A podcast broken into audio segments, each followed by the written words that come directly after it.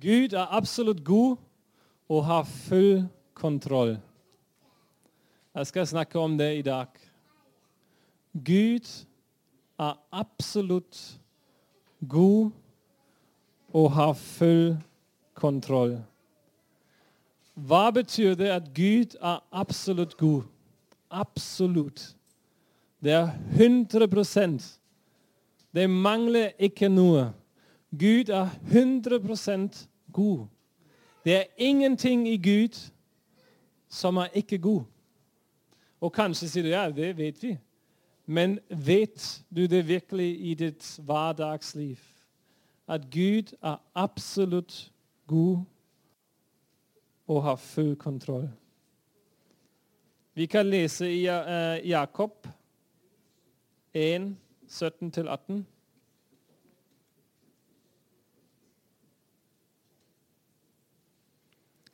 Jakobus brev, er det Jakobus brev 1, 17-18.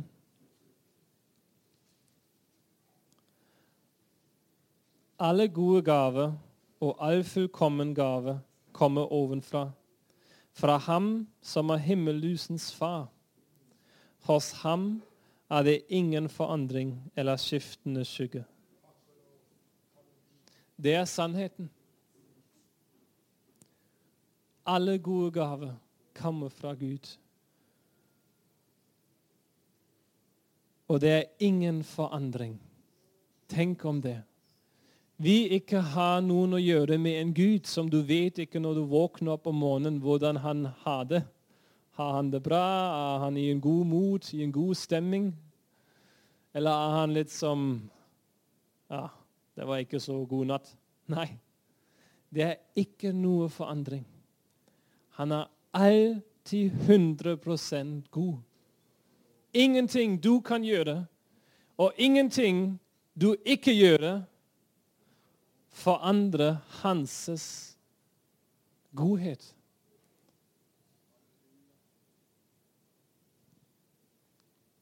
Og den Gud som er 100% absolutt god, samtidig har full kontroll. Han er allmektig. Det er bra at vi har en god Gud. Men hvis han er ikke i full kontroll, hvis han er ikke allmektig, da er det bare som ganske greit. Han prøvde, men ikke klarte. Og hvis han har full kontroll, men ikke absolutt god, da er det litt som uh, Litt uh, rett. Han er i full kontroll, men han er ikke absolutt god. Mange religioner følger en gud som er ellers 100% god, men ikke i full kontroll. Eller i full kontroll, men ikke absolutt god. Men vi følger en Gud. Og jeg skal si det igjen og igjen. Som er 100% absolutt god og har full kontroll. I Kolossene 1 leser vi om hans allmektighet. Er det et ord? Allmektighet. Der leser vi om at han er allmektig. Kolossabrev, Kolossene, kapittel 1, vers 16.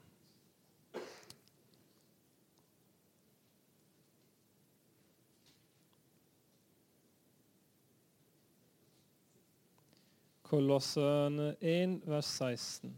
For i ham er alt blitt skapt, i himmelen og på jorden, det synlige og det usynlige, trone og herskere, makter og åndskrefter. Alt er skapt ved ham og til ham. Han er før alt, og i ham blir alt holdt sammen. Dette vers kunne du lese de neste timer. Bare den ene vers. Og jeg tror du skulle oppleve Guds godhet og allmektighet i den vers. Fordi den er sannhet. Jeg skal bare lese den en gang til. Den, For i ham er alt blitt skapt, i himmelen og på jorden. Det synlige og det usynlige, troende og herskere, makter og åndskrefter. Alt er skapt ved ham og til ham. Han er før alt, og i ham blir alt holdt sammen. Jesus, jeg vil bare takke deg at du er allmektig. Jeg lever for deg, til deg, fra deg. Du er den som gjør alt mulig. Du er den som hjelper meg å puste. Luft inn i, inn i kroppen og ut av min kropp. Og i alt som jeg strever med hver dag, vil jeg ikke klemme at jeg er skapt, jeg er skapt for deg og til deg. Jesus. Jeg skal fortelle dere to historier i dag. En historie det er en veldig generelt stor historie. Og en, en historie den er veldig personlig til meg. Og det har å gjøre med det. Gud, som er absolutt god og har full kontroll, han skapte verden mange år siden. Og han hadde bare gode tanker. Han var himmellysens far. Han måtte ikke skape mennesker, men han er kjærlighet. Og kjærlighet blir mest helliggjort i forhold. Hvis jeg beskriver meg som en definisjon av kjærlighet, men jeg er ikke i forhold, kan kjærlighet ikke bli uttrykket. Så Gud måtte, ikke måtte, men ville skape forhold. For helliggjøre det hva han er, og det er kjærlighet. Og fordi han er en Gud, god, setter han ikke mennesket i en veldig vanskelig situasjon, en veldig sånn, dårlig verden med kjempeproblemer. Som ja, ja, ja, jeg er en god, god, god Gud og bare prøve å klare. Nei. Han gjorde en helt fantastisk verden. Hagen av Eden. Alt var god i hans øyne. Og her setter han mennesket som han elsket som en far. Han er himmellysens far. Hva kan gå feil i en situasjon som er absolutt god, med en Gud som er allmektig, full av kjærlighet? Mennesket valgte å tro den andre far, som er ikke noe far. Det er himmelysens far, som er absolutt god, som elsket mennesket, som har sagt alt det er din. Og det var også løgnens far som kom inn med et løgn. Og dette løgn er fortsatt, tror jeg, den største utfordring for mennesket. For oss, for, du, for deg og meg, for alle av oss. Og dette løgn har å gjøre med det. Løgnens far, som han heter, løgnens far, han er veldig god i å løgne. Lyge. Lyve. Og løgnens far kom til mennesket, til Adam og Eva, og sa er Gud virkelig absolutt Gud? Kanskje han holder noen tilbake fra dere? Han sa dere skal ikke spise dette frukt fra dette drar. Men kanskje når dere spiser den, blir dere faktisk bedre, høyere, Kanskje dere går klipp av noe veldig viktig. Hva gjør djevelen her? Han sier faktisk Vet du hva? Jeg tror Gud er ikke god. Han holder noen tilbake fra dere. Og Adam og Eva hadde et valg å gjøre. Tror vi på himmellysens far, hvor det er ikke noe forandring, ikke noe skifting. Han er alltid god og han har sett den hagen og situasjonen i en perfekt måte? Eller tror vi på løgnens far og spiser den frukt? Fordi kanskje vi går klipp av noen veldig viktig, veldig god Fordi han er ikke absolutt god, så vi må oppleve godhet. Ikke fra Gud, men fra løgnens far. Og derfor må vi spise den frukt. Og vi alle kjenner historien. De gjorde det. De trodde på løgnens far. Og siden dette øyeblikk var det en løgn i verden. Elsker Gud meg virkelig? Er Gud virkelig god? Og kanskje dere alle kan kjenne den tanken igjen. Er jeg virkelig elsket av Gud? Hvis du ser på det folket som Gud utvalgte, Israel de, de, de, de måtte kjempe mot den løgnen hele tida. Gud utvalgte et folk og sa, 'Jeg skal elske dere.' 'Jeg skal bry meg om dere.' 'Jeg skal lede deg gjennom.' 'Jeg skal åpenbare min godhet i, blant dere.' Bare gjør disse ting, og alt blir bra.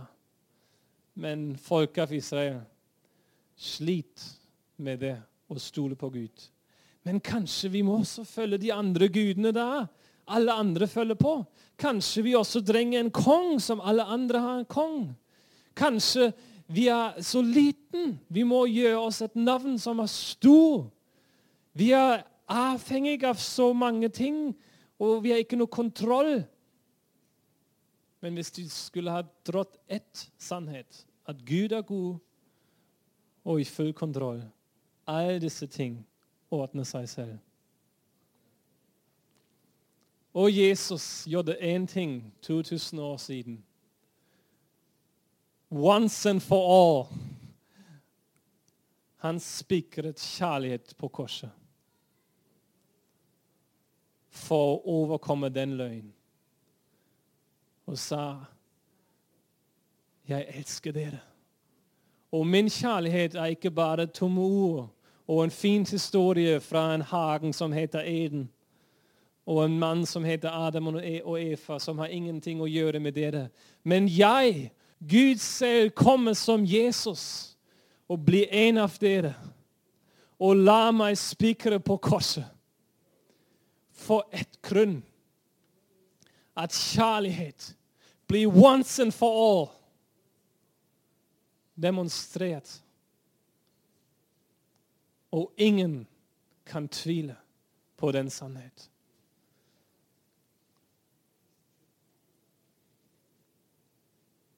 Våpenet av djevelen er tatt bort. Han har ikke noe kraft, fordi den løgn har ikke noe virkelighet lenger. Fordi kjærlighet har, har blitt spikret på korset. Spørsmålet er bare hva skjer i ditt hode? Spørsmålet er ikke hva er sant. Hva skjer i ditt hode? Tenk om dine utfordringer akkurat nå. Sannsynligvis står du i noen utfordringer. Tenk om dine ting du sliter med. Hva er egentlig bak den frykten du har? Hva er egentlig bak den stoltheten du kjemper med? Hva er egentlig bak den tomhet du prøver å fylle med meningsløse ting.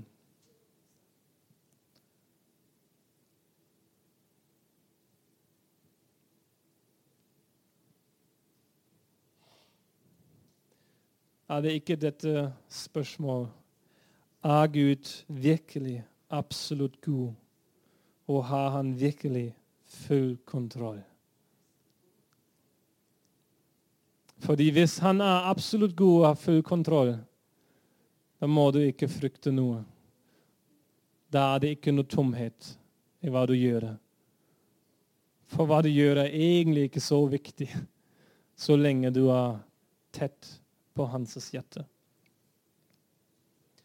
Det er en stor historie, og har ikke noen ting å gjøre med deg. Det har alt å gjøre med deg, men samtidig det er som en stor historie. Vi alle kjenner den. Det kan vi lese i Bibelen. Det er Bibelens historie. Men jeg har opplevd min egen personlige historie som jeg vil dele med dere. Som har å gjøre med det hva jeg har snakket om. Med den tanke eller spørsmål er Gud virkelig god, og er han i full kontroll? Fordi spørsmålet er hva betyr det at Gud er virkelig god? Og jeg tror svaret på dette spørsmålet, hva betyr det, er grunnen hvorfor vi sliter så mye med å tro at Gud er absolutt god. Fordi i menighet som vi, bo, som vi um, har nå, i de siste 50-60 år, da svarer vi hva betyr det at Gud er absolutt god med ja, han er absolutt god. Derfor skal jeg ikke slite med noe. Derfor skal jeg ikke ha noen utfordringer. Derfor skal jeg ikke gå gjennom noe vanskelig. Og det er ikke realitet. Og fordi det er ikke realitet, begynner vi å tvile på dens sannhet. Men hva betyr det virkelig at Gud er absolutt god? Lover Bibelen ikke at utfordringer venter for de som følger ham? Gud sa til eh, Leonie Jeg vet ikke når det var, det var tror jeg siste år. Hun var gravid med Ben. Og vi visste at uh, fødselsdato, eller som den beregnet fødselsdato, skulle bli den 19. april. Men Gud sa til Leonie, og jeg vet ikke hvorfor eller på slutten av den historien visste jeg hvorfor, men i den øyeblikket visste jeg ikke hvorfor. Men Gud sa til Leonie Ben skal bli født på den 14. april. Og vi skal reise her klokka åtte. Og jeg var som Yes! Han sa før at vi skal flytte fra England til Norge i mai 2020, og det skjedde. Og det var ikke noen som vi kunne ha påvirket fordi det var korona og stengt grensene. Men det er en annen historie. Men jeg lærte fra den historien og tenkte OK. Så vi gikk rundt og sa, når folk spurte når skal Ben bli født Vi ikke sa ja 19., men vi sa 14. april. Og det var veldig enkelt å si. To, tre, fire måneder før den fødsel. Ja, 14. april. Hvorfor ikke? Og da hadde vi planlagt en tur til Sverige. Og jeg tenkte den var planlagt tre uker før den 14. april. Og jeg var som Oi, det er ganske nær til en fødselsdato av en tredje barn med to barn som har blitt født veldig raskt og veldig enkelt. og på slutt lærte jeg at jeg var feil, og vi faktisk skulle reise til Sverige to uker før en fødselsdato. Og da begynte jeg å tenke Wow, jeg kan ikke reise. Hva skjer hvis jeg er i Sverige, i fjellet, med snøscooter når kona mi prøver å ringe meg? Jeg, jeg, skulle aldri tilgi meg. Eller jeg skulle ha tilgitt meg, men som du sier, jeg skulle aldri ha sånn Jeg mistet fødselen av min sønn fordi jeg var på en sånn tur i Sverige. Så jeg tenkte jeg egentlig kan ikke gjøre det. Fordi når fødsels beregnet fødselsdato 19. april. Vi alle vet han kunne komme mellom 1. april og 1. mai hver eneste dag. Så jeg var som fram og tilbake. Skal jeg reise eller ikke? Men Gud sa han skal bli født 14. april. Så hvis jeg virkelig stoler på at Gud har sagt det, kunne jeg reise på den 13. april eller 12. april. spiller ikke noen rolle, fordi Gud har sagt det. Men plutselig var det en enkelte statement. Ja, ja, han skal bli født på 14. april. Han, det kostet seg plutselig noe. Eller kunne ha kostet noe. Og når din tro begynner å koste noe, blir din tro testet hvis det er tro eller bare håp.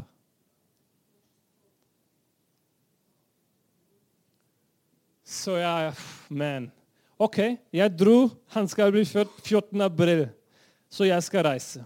Men jeg trenger en worst case scenario escape plan. en som verste fall. Hva, hva, gjør vi i den som verste fall? Vi sier verste fall. Ja. Hva gjør vi i det verste? Så jeg, jeg stoler på Gud, men jeg må fortsatt være i kontroll. Så jeg satt med Leonie faktisk ganske lenge, og vi prøvde å finne en løsning. Hva gjør vi når jeg er i Sverige og hun ringer meg? Hva gjør vi med våre to barn? Fordi alle som kunne passe på dem, er i Sverige. og Madelina var den eneste som var her med tre barn. Egne tre barn. Så det var som Hva gjør vi når det, når, hun, når det skjer klokka to om natta? Ja, da kan hun ikke komme. Ok, Når det skjer klokka elleve om dagen, da kunne hun Så det var bare helt komplisert, og det var som Vi brukte masse tid. Og da var det, tror jeg, tirsdag eller sånn, og hun begynte å ha mye rie. Og hun var sånn Du kan ikke reise. Og jeg var sånn OK. Men Gud sa 14. april. Så det var en kamp. Og på fem, den en dag før var hun veldig i fred plutselig. Og var sånn, vet du hva? Gud har sagt 14. april. Jeg føler du må reise. Du skal være med. Du skal være en del av hva skjer da. Du reiser. Jeg har fred. Og da sa jeg hvis du har fred, da har jeg også fred. Og da var jeg på den samme dag jeg var i dusj, noen timer før vi reiste. Og jeg ba og tenkte nå har vi brukt ganske mange tid for å finne en som Hva gjør vi i, verste, i den verste situasjonen? Og nå reiser jeg, og vi har ikke noen løsning. Som ja, En løsning var at Marlinas foreldre var der, så det var ganske greit å vite. Men fortsatt, når det skjer klokka to om natta, hadde vi ikke noen løsning. Så jeg tenkte, brukte, jeg brukte så masse tid, og det var mer meg som presset det, å finne en løsning. Og nå reiser jeg uansett i fred, fordi Gud har sagt han skal bli født 14. april. Og jeg var veldig lei meg, og jeg tenkte Gud jeg Unnskyld meg. Be beklager. I'm so sorry. At jeg ikke stolte på deg. Og jeg følte Ja, det er en liten ting. Men da tenkte jeg hvis Naemi er med meg, og det er en vanskelig situasjon, og jeg sier Naemi, jeg er i kontroll. Det blir bra. Ikke bekymre deg. Og jeg merket at hun begynner å ha som en plan hvis jeg ikke er i kontroll, og som prøvde, og som en seks, eller fem, fire, fire år gammel jente prøvde, og som hjelper meg. Jeg skulle føle vondt og tenke Naimi, jeg er din pappa. Jeg er, alt er i orden. Så jeg følte veldig lei meg. Tenkte Gud, jeg, jeg omvendte meg. Jeg, som, jeg må omvende meg fra min vantro. Og da tenkte jeg men egentlig er det ikke at jeg ikke stolte på Gud, at han er god. Men jeg ikke stolte på meg og Leonie, at vi har hørt riktig. Og da tenkte jeg gi Gud meg et bilde som har å gjøre med det. Jeg sa hvordan Naemi var stått på en uh, topp. Og jeg tenkte hvis hun sto på en topp på en sånn vekk eller noen som høyde, og jeg står ned, og hun tenker at jeg sa 'Kom, hopp ned. Jeg skal fange deg.' Hvis Det er to muligheter nå. Hvis hun står på en sånn tre meter høy, høyde, eller topp, og jeg har sagt 'Hopp ned, jeg skal fange deg', da skal jeg fange henne. Og det blir en kjempeopplevelse. Hun hopper ned i mine armene, og jeg fanger henne, og hun stolte på meg. og... Ellers hun står på en topp som er tre meter høy men jeg faktisk ikke sa at hun skal hoppe ned. Men hvis jeg ikke fanger da henne fordi jeg ikke sa at hun skal hoppe ned, hun skal bli ødelagt for liv fordi det er en kjempehøy topp. Hun skal bli skadet, kanskje dø, kanskje ha skade for hele liv. Tror dere jeg som en god pappa skal da si nei, jeg skal ikke fange deg fordi jeg har ikke sagt du skal hoppe? Nei. Jeg skal fange henne Uansett hvis jeg sa 'hopp ned' eller ikke. Fordi jeg elsker henne. Og jeg vil ikke at hun skal bli skadet for liv eller dø fordi hun gjorde noe feil. Hun hørte feil. Jeg er en god pappa, men Gud er mye mer god som meg. Og han skal fange deg.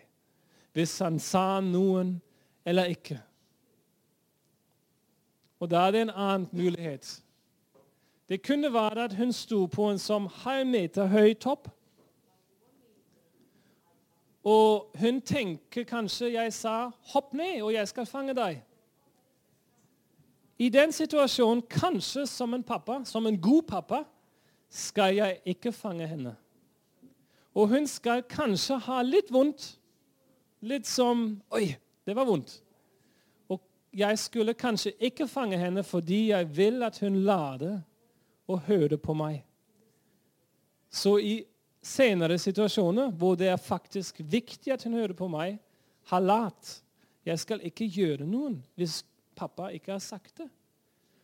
Så jeg skal bli OK med en liten vond situasjon for en enda større gjennombrytelse eller opplærelse på slutt.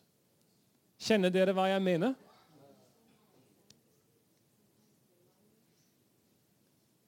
Så Gud er absolutt god og har full kontroll. Så jeg reiste til Sverige og tenkte det er de situasjonene jeg er i. Ellers jeg har hørt riktig, og Ben skal bli født på 14. april. Så det er den situasjonen. Jeg er på en tre meter vekk. Topp. Og jeg hopper ned, og han blir født på 14. april, og det blir wow! Gud! Amazing! Ellers Jeg er på en tre meter topp, så jeg reiser til Sverige. Og Gud har ikke sagt han skal bli født på 14. april. Men fordi Gud vet hvis han blir født, det skal ødelegge meg så mye så han fanger meg uansett, og han blir ikke født i den tid som er i Sverige. Ellers jeg er i Sverige, og Gud vet at faktisk du er bare på en halvmeter topp. Og nå blir han født når du er i Sverige. Og det blir vondt for deg, men det blir ikke så vondt i forhold til hva du lærer av den situasjonen. Så jeg reiste til Sverige, og jeg var i 100% fred. Ikke fordi jeg prøvde å si det til meg. Det blir bra med henne, det blir bra med henne. Bare ikke tenk om det. Jeg var i 100% fred. Fordi jeg visste Gud er absolutt god og har full kontroll. Og hvis jeg er i Sverige, og hun ringer meg og sier, 'Vet du hva? Ben kommer.' OK. Det er greit. Gud er god. Og han vet at det skal ikke ødelegge meg hvis det skjer. Han vet at det er en oppladelse som jeg trenger. Og jeg skal gå gjennom det. Det blir vanskelig. Det blir tears. Men på slutt har jeg latt. Eller jeg reiser til Sverige, og det ikke skjer, fordi Gud er god. Og han vet hva jeg kan gå gjennom. Og det leser vi i 1. Korinter brev 10, 13. 1. Korinterbrev 10-13. Der står dere har ikke møtt noen overmenneskelige test. Og Gud er trofast. Han vil ikke la dere bli testet over evne. Nei, når dere blir testet, vil han vise en utvei, slik at dere kan holde ut. Gud vet hva ødelegger deg så mye at han fanger deg i hans kjærlighet, uansett hvis du har hørt riktig eller ikke, og hva du kan tåle, fordi det gjør deg sterkere på slutt. Gud alene vet det. Det er en farlig menighet at vi spesifiserer Gud er god, og derfor skal du reise til Sverige. Det skjer ingenting. Gud er god. Det er ikke riktig. Fordi kanskje Gud er god, og derfor skjedde det. Så jeg lærer av den. Gud er ikke som en kokemaskin hvor du bare trykker på, og gode ting kommer ut. Han er relasjon. Og for å bygge opp relasjon, for å lære å være ett i relasjon, må vi gå gjennom gode ting, vanskelige ting, utfordrende ting, men holde fast på den sannheten.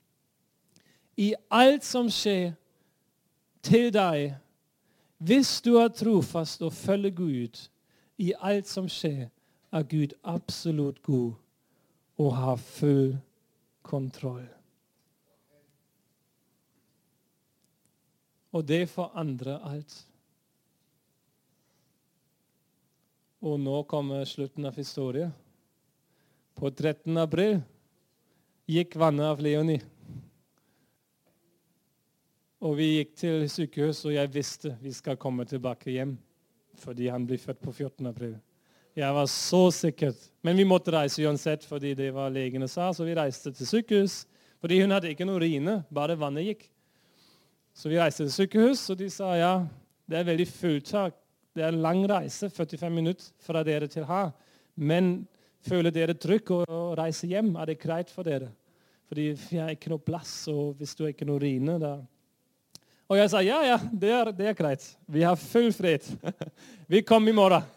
Ja, hvis noen skjer imellom, bare kom. Rett fram, bare kom. Hvis ikke noe skjer, senest i morgen klokka halv ni må dere være i sykehus. Og det betyr vi må ha, reise her klokka, rundt klokka åtte.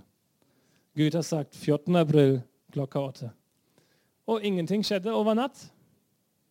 Hun var, vi, hadde, vi, vi sovde, vi hadde en dusj. Var, det var den mest forberedte forberedtest, uh, fødsel. Og vi reiste til Skien, og Ben var født på den 14. april.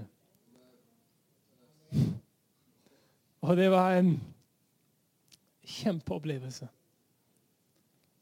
Jeg vet ikke hvorfor Gud sa det. Det er ikke viktig at han er født på en 14. eller 15. eller 16. Men samtidig vet jeg for hvorfor Gud sa det. Fordi han vil bygge opp vår tro. Dere stolte på meg. Du gikk til Sverige. Ikke i som vantro, men du faktisk gikk i tro. Og jeg skal lønne deg. Og det handler nå om meg, men det handler om alle av oss.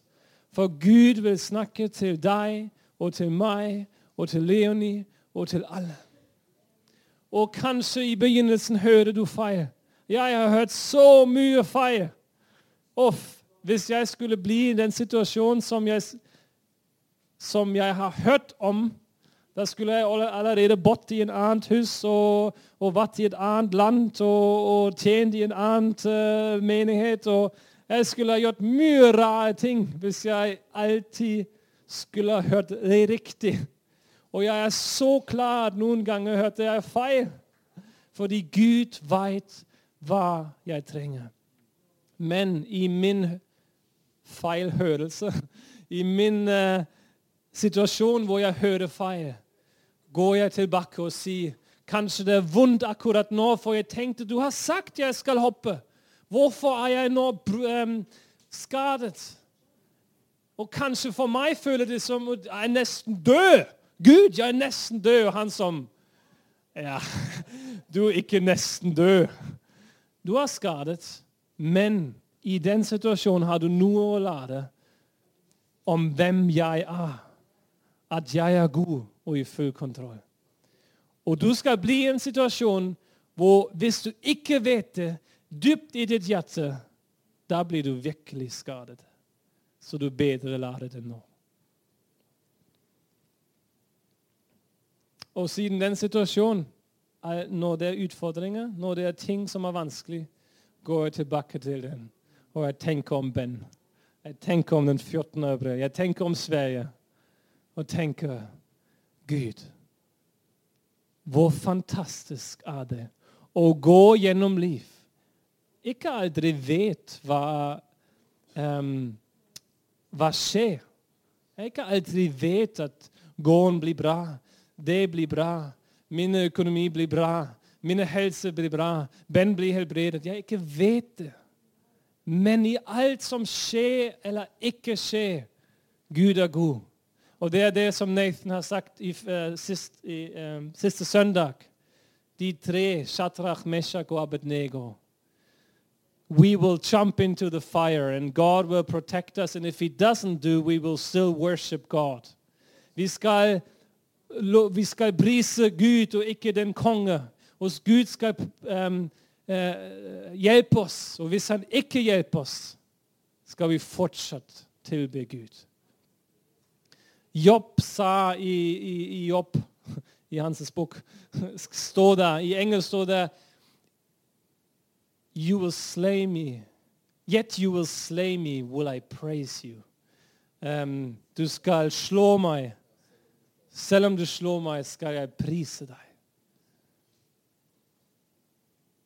Det er hva Gud vil fra oss, at vi skal prise ham uansett hva skjer, og vet Gud er absolutt god og har full kontroll. Kan vi reise oss opp sammen? Jesus, jeg ber. Det er tankebygninger her i rommet som er imot den sannhet. Det er utfordringer i, i, i personlige liv som vi har, som er imot den sannhet. Det er tankene i hverdagsliv som er imot den sannhet. Og vi sammen står her, og jeg står for mitt eget liv, hvor jeg går tilbake til den, til den skitne ting som det djevelen, løgnens far, kaster foran meg. Og jeg sier, 'Jesus, hjelp meg å ikke ta imot disse løgnene.' Ikke spise disse, disse skitne ting, men gå til det bordet du har dekket. Og jeg ber akkurat nå i dag. Jeg tar den autoriteten jeg har fordi jeg har opplevd den situasjonen. Jeg gikk gjennom den situasjonen. Og jeg tar den autoriteten og jeg sier over dere, i Jesu navn, alle tankebygninger som går imot den sannhet at Gud er absolutt 100% god og har full kontroll, han er allmektig, må rives ned. Nå i Jesu navn.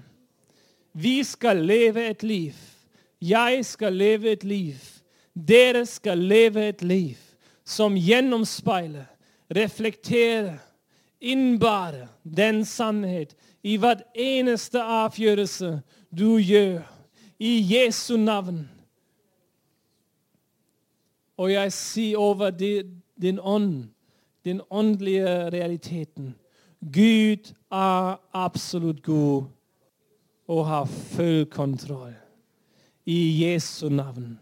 Og alle løgner av løgnenes far må Shut up! In Jesus' name. I Jesu navn.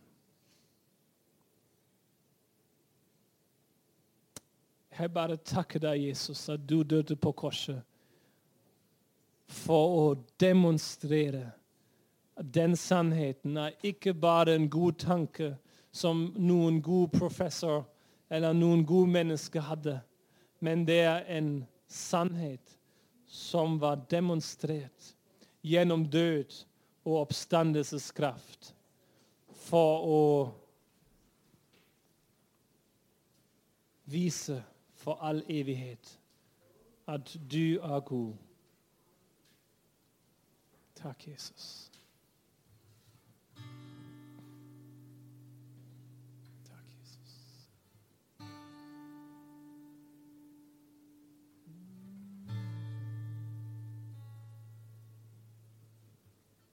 Så hvis du føler det var for meg, og jeg sliter med det Åpne dine hender. Min pappa er din pappa. Det er sammen for meg og for deg.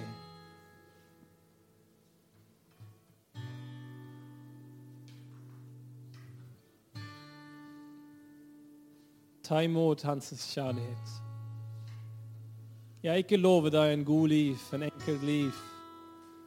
Bare si ja til Jesus. Bare be dette bønn, og alt blir bra. Men jeg lover deg et liv i fullhet, i din identitet som en sønn og datter av Gud. En del av hans familie. Han skal elske deg gjennom alle tider når du følger han med en helgitt hjerte. Bibelen sier ingenting kan skille deg fra hans kjærlighet. Kom, Hellige Ånd.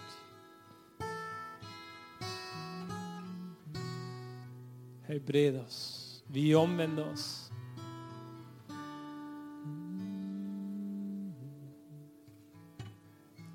La oss gå i lovsang og be din egen bønn.